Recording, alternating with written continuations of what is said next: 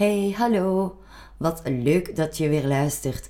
Zoals ik al aankondigde in de vorige aflevering, begint de stijl van de Art Nouveau of de stijl van Horta stilaan te veranderen. De gevel van de woning van vandaag ziet er dus wat anders uit, maar voor wanneer dat we die gevel bespreken, gaan we stilstaan bij de heer des huizes. Welkom bij La Vie d'Horta.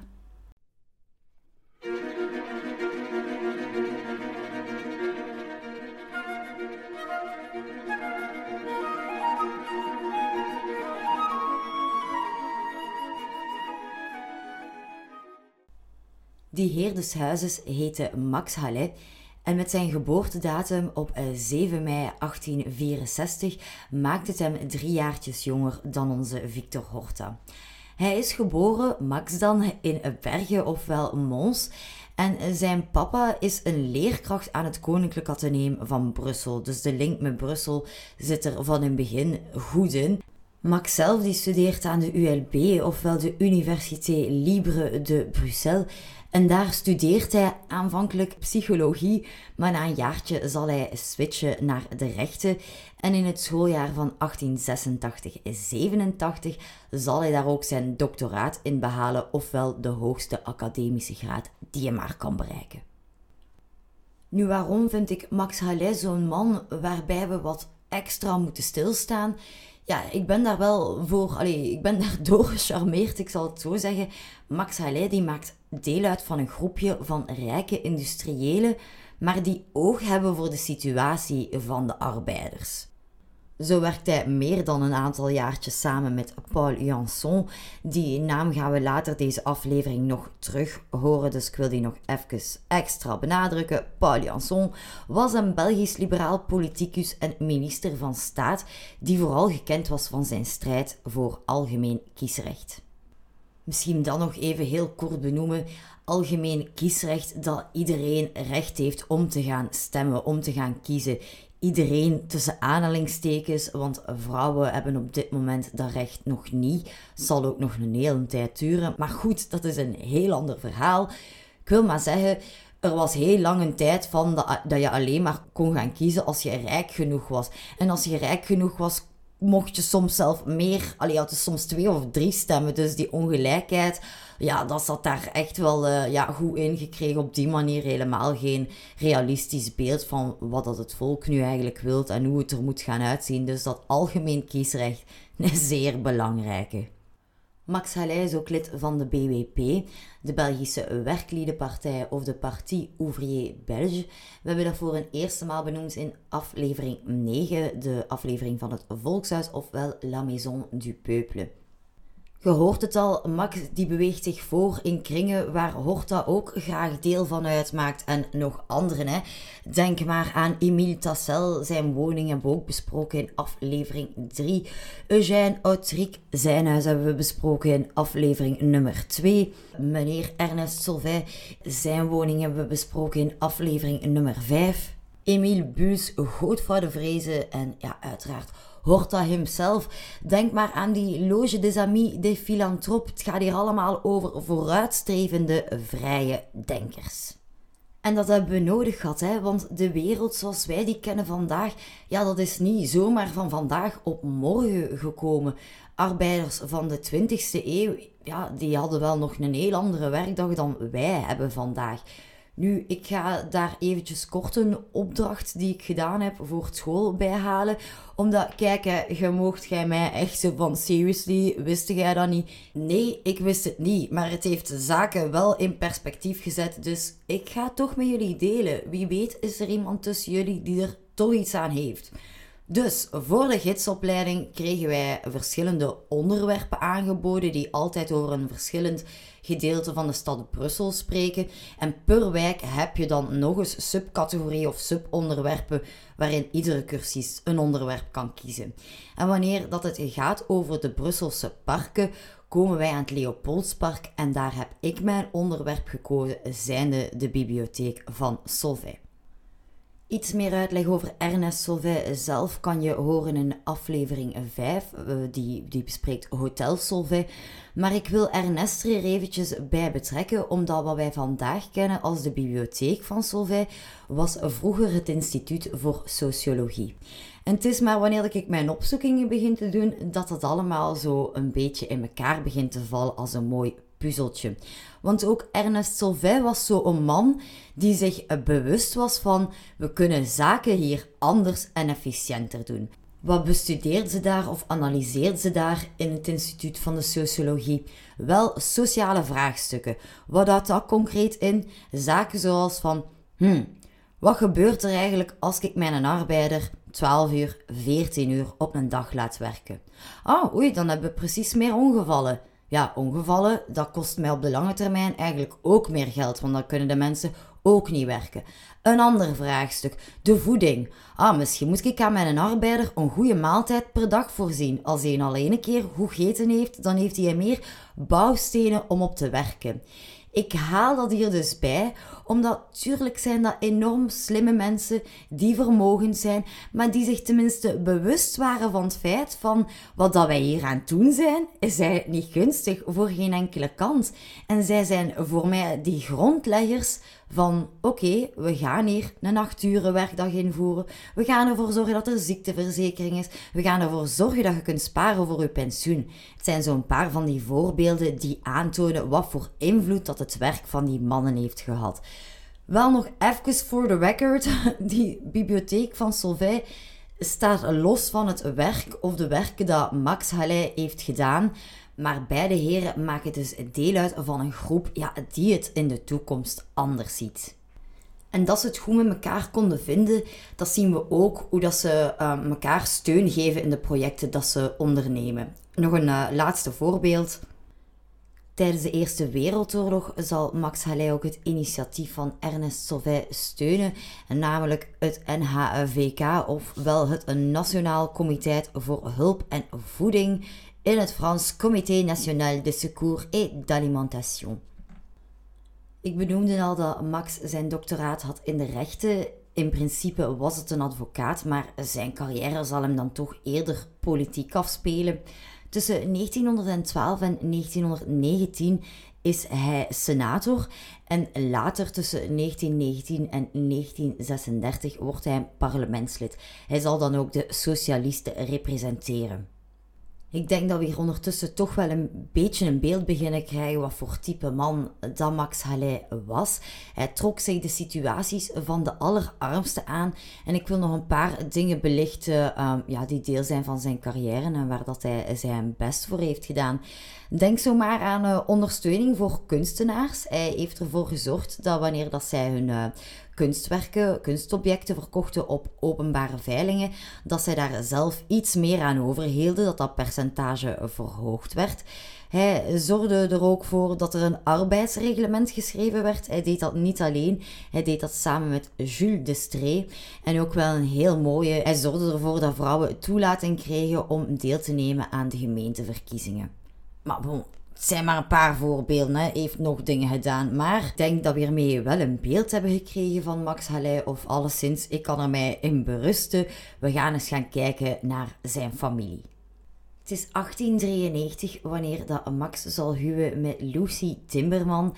Lucy is de dochter van een uh, rijke industrieel die gist produceert. En wanneer dat de twee gaan trouwen, is dat ook niet geheel naar de zin van Lucy's ouders, de Timbermans, om het even gemakkelijk te houden. Zij waren toch wel heel wat minder te vinden voor die sociale ideeën die haar nieuwe echtgenoot had. Enfin, maar trouwen zullen ze dus wel doen en uit het huwelijk komen twee kinderen. Eerst een zoon Lucien, hij wordt geboren in 1895 en later een dochter Suzanne. Het is dan ook in deze periode dat de vraag zal gesteld worden aan Victor Horta om voor hen een huis te bouwen. Dit huis zal gebouwd worden op de Louisa-laan, meer bepaald nummer 346. En laten we eens kijken hoe het eruit ziet. Want die gevel is niet direct wat we van Horta gewoon zijn. Ditmaal geen horizontale banden, terwijl dat de gevel wel heel horizontaal aanvoelt op zichzelf. En dan bedoel ik dat dus niet, er is niet echt heel neigende hoogte gebouwd. Die verticaliteit zit hier minder in. Er zijn eigenlijk maar twee bouwlagen onder een mansardedak waar we drie dakkapellen zien. Misschien nog even kort herhalen. Met die dakkapellen bedoel ik dus ramen die in het dak zelf ingewerkt zijn. Nu, ik benoemde er waren twee bouwlagen, maar toch bestaat de woning uit meerdere verdiepingen. Hè. Zo verrazen ook de kleine raampjes onderaan het souterrain, waar dus ja, de keuken zit en een heel gedeelte weggestoken, voorbehouden voor het dienend personeel. Wat we wel terugzien, of wat we gewoon zijn van Horta, is dat hij de gevel heeft opgetrokken uit witsteen van Euville. Ik zei het al, het, voelt eerder horizontaal aan. En die horizontaliteit wordt ook nog eens benadrukt door een balkon dat eigenlijk over die hele breedte loopt van de tweede verdieping. Dat lange balkon dat wordt om de zoveel meter ondersteund door consoles. Simpel gezegd, ja, grote stenen blokken om dat gewicht te kunnen dragen.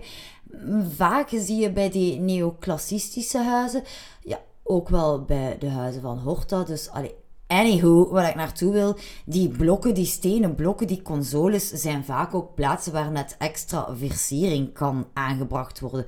Maar hier wordt dat eigenlijk vrij simpel gehouden om de zoveel meter zit er zo'n blok en die worden afgescheiden, die ruimte daartussen, daar zijn groeven in gemaakt. Ook weer om die horizontaliteit te benadrukken, maar de vormen zijn dus veel eenvoudiger. Geen zweepslagmotieven. We zien een beetje sierlijk motief in de balustrade van het balkon, maar uh, ja, het is allemaal veel ingetogener. Ik moet mezelf weer even corrigeren, want om de koppelmeter zal toch wel wat overdreven zijn. Neemt eerder om het aantal, I don't know, 20, 30 centimeter of zo. Ik heb er nu ook niet naast gestaan met de lat. Maar die meters, dat was zeker overdreven. Dus dat wil ik nog even rechtzetten. En die groeven waar ik daar juist over sprak, ik heb dat even opgezocht, want dat heeft ook wel uh, effectief zijn eigen term. Ze noemen dat modillons, maar ik had het niet geweten. Maar het is wel een goed voorbeeld van hoe veel ingetogener Horta zijn werk hier, ja, hier zal zijn. En toch moet je er niet aan twijfelen dat het wel degelijk over een woning gaat van Horta's hand. Hè. Die, um, dat balkon waar ik u net over spreek is wel half frappant. In de originele plannen op de aanvankelijke tekeningen heeft Horta dat balkon niet aangebracht. Terwijl dat dan net wel een van de punten is waarin dat we zijn hand of stijl duidelijk in herkennen. Nu, waar zien we dat nog? Wel, op datzelfde niveau, op diezelfde etage van dat balkon, daar zijn telkens drie grote ramen en tussen ieder raam zit een muurdam, dus een stukje muur tussen ieder raam. En in eerste aanblik valt dat niet op, maar je ziet dat daar precies hoe, uh, hoe zal ik het zeggen, precies, of dat er mij een grote rechthoekige stempel een indruk is gemaakt of zo in die muurdam. Het is een subtiele manier om die vlakke gevel, eigenlijk is die niet helemaal vlak. Dat lijkt zo, maar er zijn toch een beetje dynamische dingen ingebracht die er wat leven in moeten brengen. We zien dat ook bij een ander voorbeeldje. By the way, het is misschien een goed moment om te vermelden. Heel veel ondersteunende foto's zullen er helaas niet zijn, uh, maar een tweetal. Maar op die twee kan je wel al die imprint die ik zo net heb beschreven, die ga ik daar wel op zien. Dus uh, mocht mijn uitleg helemaal nergens op slaan, kan je er wel een beeld van krijgen door te gaan kijken naar de Facebook en Instagram pagina van La Vie Dorta. Oké, verder met het tweede voorbeeldje. Bear with me, want ik ga me hier nog even vastbijten in de details. Oké, voor de overall view. We staan dus met ons gezicht voor de gevel. En onderaan rechts heb je dus de toegangspoort, de toegangsdeur. Ik wil maar zeggen, dat is een dubbele deur, dus een grote deur. Links van die deur zien we drie ramen. De ramen die het verst van de deur verwijderd zijn, raam 1 en 2, die zijn quasi gelijk aan elkaar. De witsteen van uw wiel is aan de onderzijde ook mooi uitgewerkt. Opnieuw een, een kenmerk van Horta zijn stijl. Nu, het derde raam, dat eigenlijk dus het dichtst tegen de toegangsdeur zit, dat is een heel pak kleiner en heeft ook zijn eigen gietijzerwerk. Het komt qua uh, motief overeen met het gietijzer dat we zien van het, op het balkon, één etage hoger. Nu, dat kleine raampje, ik wil dat graag benoemen om, ja, voor mij is dan ook duidelijk het, het Art Nouveau-kenmerk dat erin zit. Je ziet hier ook weer echt Horta die, ja, hij, hij houdt van asymmetrie. Hè. Hij speelt graag met die niveauverschillen op allemaal andere manieren. Niet Oftewel ligt dat aan mij, maar bij niveauverschil zie je direct een trapje of zo, waar dat een wat hoger is of het ander. Maar een niveauverschil kun je ook maken door daken op verschillende hoogtes te bouwen. En hier speelt hij met dat niveauverschil door met die ramen iets anders te doen. Niet alleen verschillen ze in grootte van elkaar, de ramen van het gelijkvloers ten opzichte van die van de eerste verdieping, die liggen wel quasi um, recht, allee, respectievelijk onder elkaar. Maar die nemen af in volume. Dus het zijn ook grote ramen op het eerste verdiep. Daar niet van. Komt altijd wel genoeg licht naar binnen. Maar als je die vergelijkt met die op het gelijkvloers, dan zijn ze een beetje kleiner geworden. Dus die afname in volume is eigenlijk ook toch wel weer een voorbeeld van asymmetrie. We gaan het hierbij laten wat de gevel betreft, maar dan gaan we eens gaan kijken naar het interieur. Volg mij, kom mee, we stappen binnen langs deze dubbele deur en dan bevinden we ons eerst in een kleine voorhal. Het is de huidige eigenaar Michel Gilbert die hier opwacht wanneer je Hotel Halais een bezoekje gaat brengen, zoals ik eigenlijk net een paar weken geleden gedaan heb. Ik kon Michel Gilbert en zijn vrouw Olga al een eerste maal kort ontmoeten wanneer ik hun villa in Ronse heb bezocht, namelijk de villa Carpentier. Het is ook overigens aflevering nummer 10 van deze podcast. En ik kan alleen maar beamen hoe vriendelijk Michel Gilbert en zijn vrouw Olga zijn. Ik uh, kreeg van hun een, een boek, uh, ook geschreven door Michel Goslaar. Ik vernoem haar altijd als een van mijn bronnen. Michel Goslaar schreef het boek Victor Horta, waarin zij zeer uitvoerig aandacht besteedt aan alle werken, als ook de persoonlijkheid van Victor. Maar zij schreef dus ook een boek specifiek over Hotel Halais. Het was dus zeker een interessante en bruikzame bron voor mijn podcast op te nemen. Eventjes terug naar het begin van onze hal, want ik zei dus wij duwen die dubbele deuren open en dan staan wij eerst in een voorhal. Als je die dubbele deuren voor je ziet, dan moet je die opnieuw kopiëren. Als je het kleine halletje uit wilt, duw je weer zo'n grote deur open.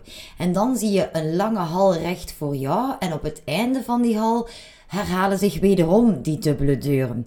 En die deuren bestaan uit hout en uiteraard glas in loodramen. De hoofdkleuren zijn rood en geel. Je moet het zien alsof er aan de buitenzijde van die ramen telkens malen een kader is geweest. Maar uit de rode kader ontspringt dan bovenaan links in de hoek zeg maar een boogje naar de binnenzijde toe en waar dan een roos gevormd wordt. Dus de bloem, een roos, die um, heeft in deze woning een um, zeer prominente rol. Maar daar komen we zo meteen nog op terug. Het zorgt er alleszins voor dat die hal weer in zo'n gloedbaat van ja, dat rood-gele, waardoor dat ook weer oranje vibes krijgt. Dus de hal op zich is weer wow, very impressing. Je hebt nog niks gezien en hij denkt al, je komt al aan je trekken. It really is. Dat die hal zo impressionant is, dat ligt natuurlijk mede aan die fantastische deuren met glas in loodramen, maar niet enkel en alleen daardoor. We gaan ons even focussen op dat die gang eruit ziet. Dus je weet al dat die deuren zich herhalen. De laatste deur trouwens, die leidt ons dan naar de tuin.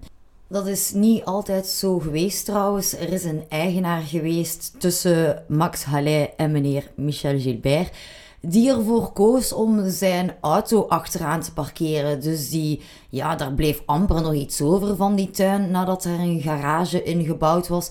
En oorspronkelijk was dat ook niet de bedoeling wanneer dat Horta die woning creëerde. Dus die hal is anders dan bij Hotel Sauvet of Hotel Wissinger. Want daar hebben we dat eigenlijk ook gezien, waar dat die dubbele deur opent. Daarachter verschijnt dan een lange gang die eigenlijk mogelijkheid geeft om daar allereerst met uw koets en paarden te passeren en later inderdaad met de auto.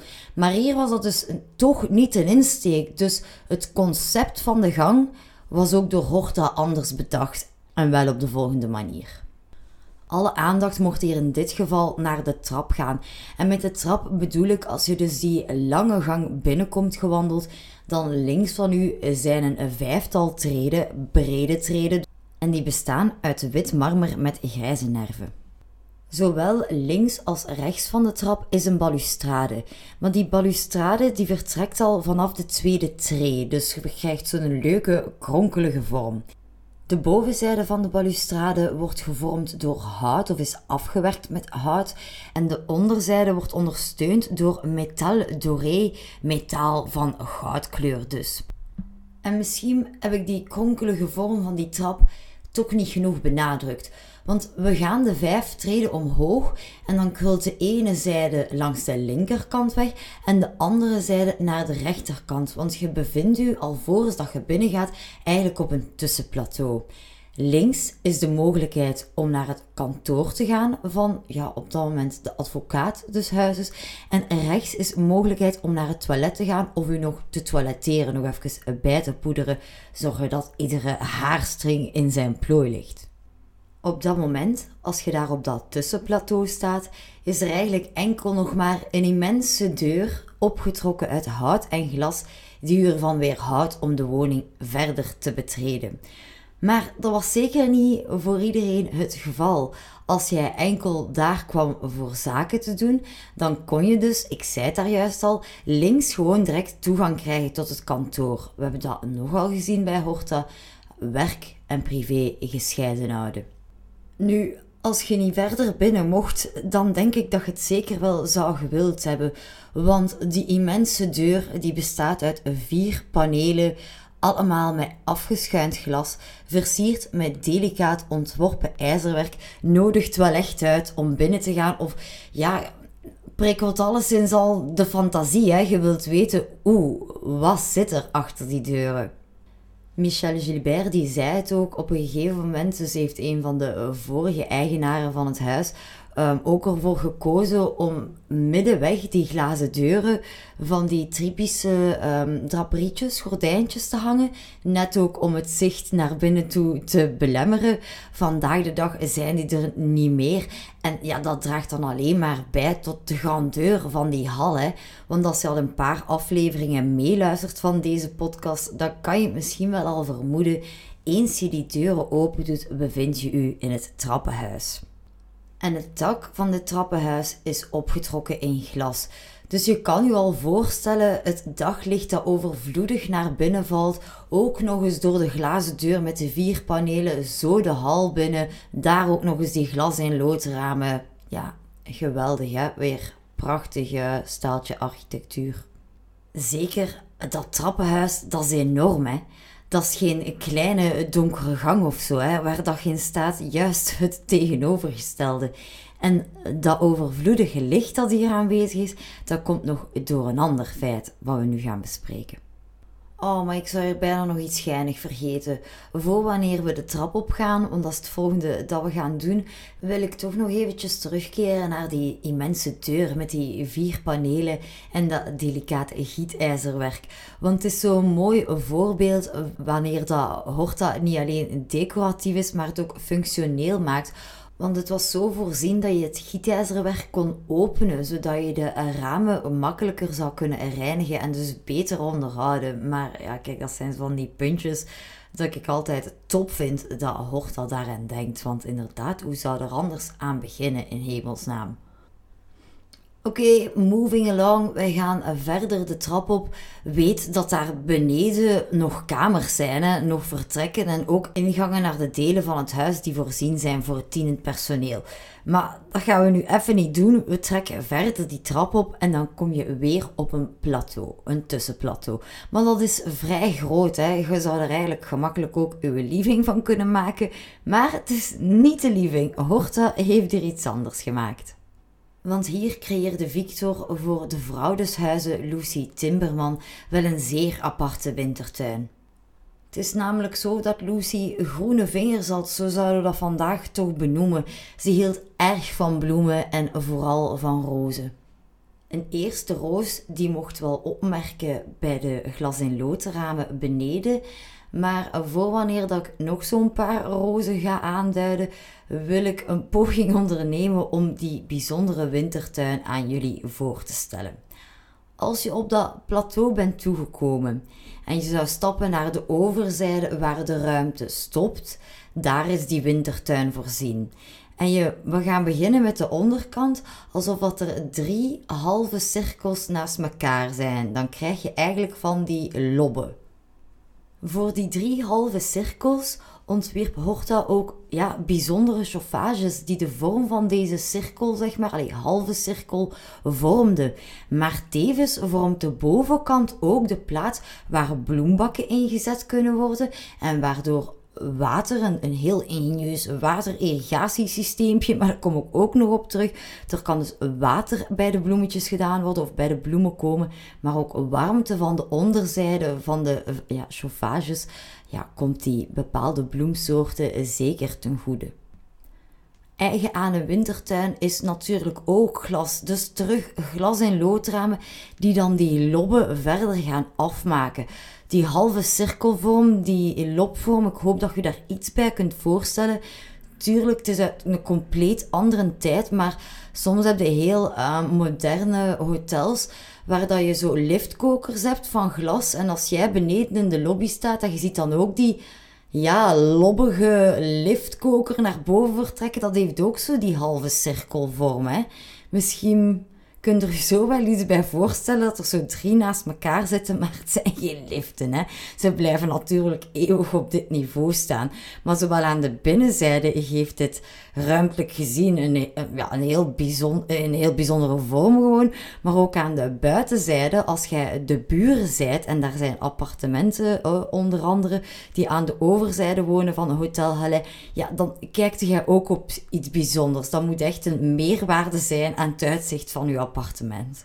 Anywho, als je nu bij mijn beschrijving helemaal niks kunt voorstellen en dat je denkt van wat zit ze daar allemaal bezig over die lobben, dan please tik het gewoon even in zelf Max of Hotel in uw vertrouwde zoekmachine. Er poppen direct foto's naar omhoog. Hè. Maar ja, Horta is in zijn geheel beschermd. Uh, ja, de woningen van Horta uiteraard. Um, foto's plaatsen, ja, dat kan ik mij gewoon echt uh, niet riskeren. Maar het loont zeker de moeite en het is echt niet zoveel zoekwerk om ze even op te zoeken. Dus mocht je niets van mijn verdere beschrijving maken... Wel ja, er zijn andere opties. Maar uiteraard ga ik toch een poging doen. We waren dus bij de onderzijde gestopt, die bestond uit chauffages en dan heb ik u gezegd dat er glas- en loodramen waren. Het dak dus van onze halve cirkels zijn eigenlijk koepelvormig. Ja, niet volledig rond, hè, want je zit aan de binnenkant van het huis, maar I think we're getting there. Als we dan het dak als de koepels nemen, want ja, er zijn er drie, dan zijn er daaronder twee horizontale banden voorzien van ramen. Een beetje om een idee te geven van de hoogte. Zowel de koepel als die eerste horizontaal halfcirkel gevormde band bestaat uit matglas. Die onderste ramen die zijn gewoon transparant helder zoals we gewoon zijn. Nu nog een bijzonderheid die banden, want het zijn geen banden, hè, het, zijn, het zijn raampjes naast elkaar die de vorm van die halve cirkel vormen. Hè, en dan zo twee rijen op elkaar en daar dan een koepeldak op. Jeetje. Maar goed, dus iedere keer als je dan van het transparant glas naar het matglas gaat, dan is er een rij van geel-bruin glas. En Michel Gilbert die wist daarover te vertellen, wat ik echt amazing vind, daarmee dat ik echt zoveel moeite doe om dat toch naar voren te proberen brengen, is dat meestal in de meeste momenten van de dag lijkt het glas inderdaad gelig, een beetje bruinig te zijn. Maar in de avond, wanneer het licht dus ja, donkerder is, dan wordt dat groen. En hij kon ons dat zelf aantonen dat dat wel degelijk waar was als je in de reflectie keek terug van diezelfde appartementen aan de overkant, die zeer modern waren en die uit donker glas bestonden. Dan zag je in de reflectie van dat glas dat dat inderdaad groen was. Dus great. Misschien ook niet zo onlogisch ergens, ik weet het ook niet. Ik vond ze inderdaad dat geel met dan dat donker glas, als gemengd met geel met donker. Nee, groen, maybe somewhere down there. Misschien ook totaal niet. Maar ik vond het alleszins amazing. Echt een, weer iets extra leuk dat erbij komt. Iets bijzonder. Um, zeker ook omdat ik zelf al zoveel bij die glas- en loodramen heb stilgestaan. Dat dan net zo veranderlijk is. Bij goed weer, bij slecht weer. S ochtends of s avonds. En Michel Gilbert, de meneer die woont in zo'n huis, die zei het ook. Dus kijk, ik kon niet anders dan dit ook nog eventjes extra te gaan benadrukken als het klinkt van iets van een andere wereld, dan is dat misschien zelf eigenlijk nog niet zo'n slecht gedacht. Ik ben er vrij zeker van als dat net gebouwd was, dat het uh, wel iets futuristisch leek. Zeker aan de buitenzijde, die uh, grote lobbige koepels, zeg maar, die worden ondersteund door een metalen zuil. Dus het zijn een beetje rare champignonnetjes of zo, zoals we het ook kunnen zien. Enorm groot dan wel, hè. Maar het is echt wel uh, opnieuw zeer bijzondere vorm en ook opnieuw een reden waarom dat er zoveel licht in dat trappenhuis naar binnen komt. Oké, ik had u nog bloemetjes beloofd. Een eerste roos was al benoemd, want het is een roos specifiek, die er ook voor zorgt dat Hotel Halais zijn eigen specifiek kenmerk heeft. Het is namelijk zo dat vanaf je de woning betreedt, dan begint er op een van de muren een soort slinger eh, van rozen. Maar het is geen slinger, het is echt een rozenstruik. Die met zijn doorn en zijn takken en om de zoveel tijd blaadjes en bloempjes zijn weg zoekt naar boven. Waarom zijn die rozen nu zo een duidelijk kenmerk? Wel, omdat ze ook enorm contrasteren met de woning in feite aan zich. Ze zijn sowieso niet van Hortas hand. Ook niet van de mensen met wie dat hij soms samenwerkte. Denk daarbij aan Adolphe Crispin, um, Privat Livemont, om maar zo'n paar te noemen. Nee, van hun is het duidelijk ook niet. Het is ik bijna echt een stijlfout. Er is iets grondig mis aan die bloemen. Maar nevertheless, omdat ze er ook al zitten van wanneer dat, dat huis gebouwd is, want ja, men vermoedt, maar het is zo goed als zeker dat die rozen daar zijn gekomen, het experiment van de rozen, op vraag van Lucy Timberman, hè, omdat zij zo graag rozen zag.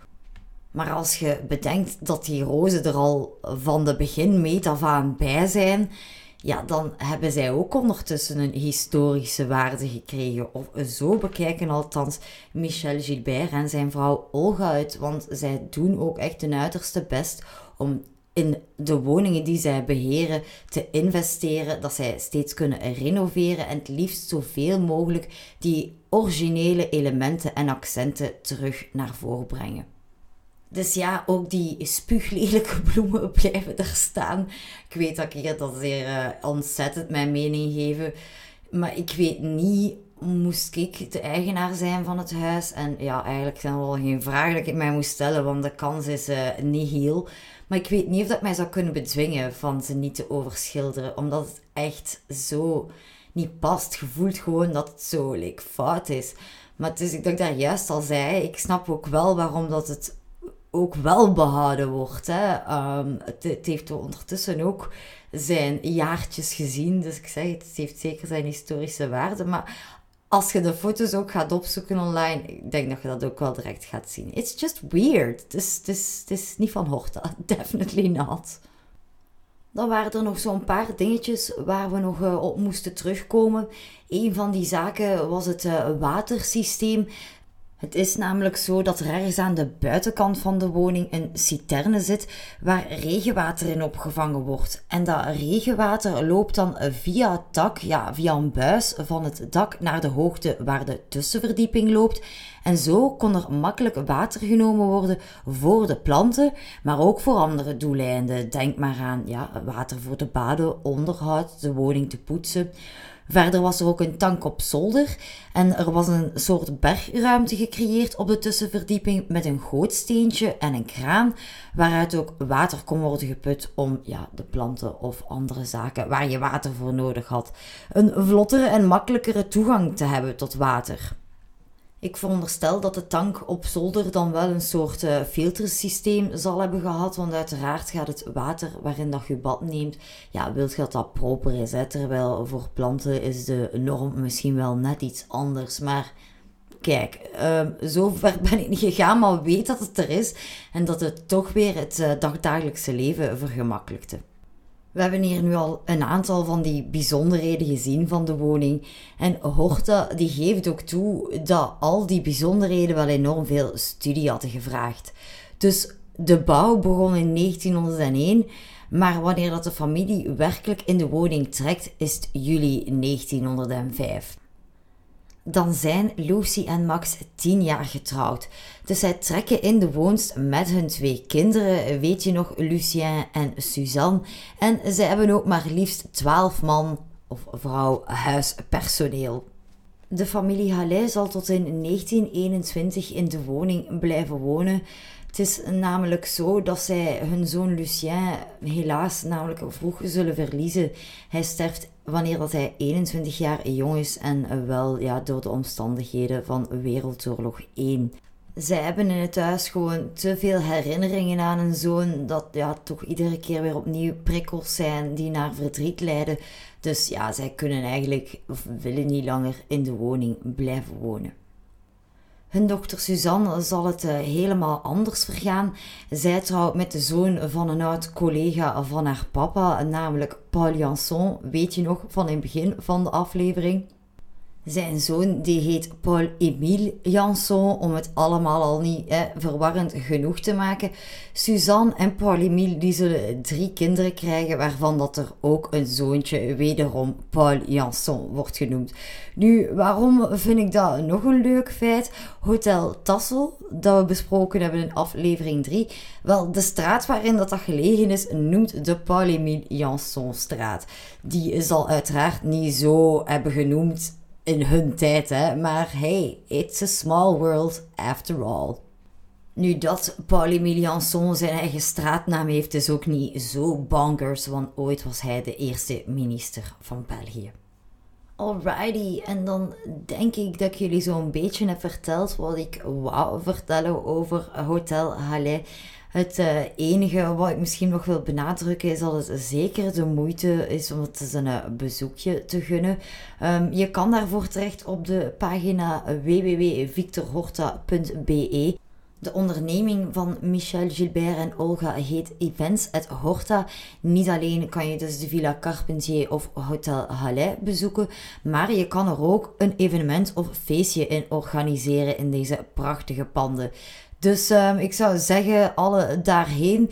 Trouwens, gehoord misschien daar juist ook. Ik was zo van mijn blad aan het spieken voor de naam van de website. En ik ben dan ook eens naar de website gesurfd, wat zeker niet oninteressant was.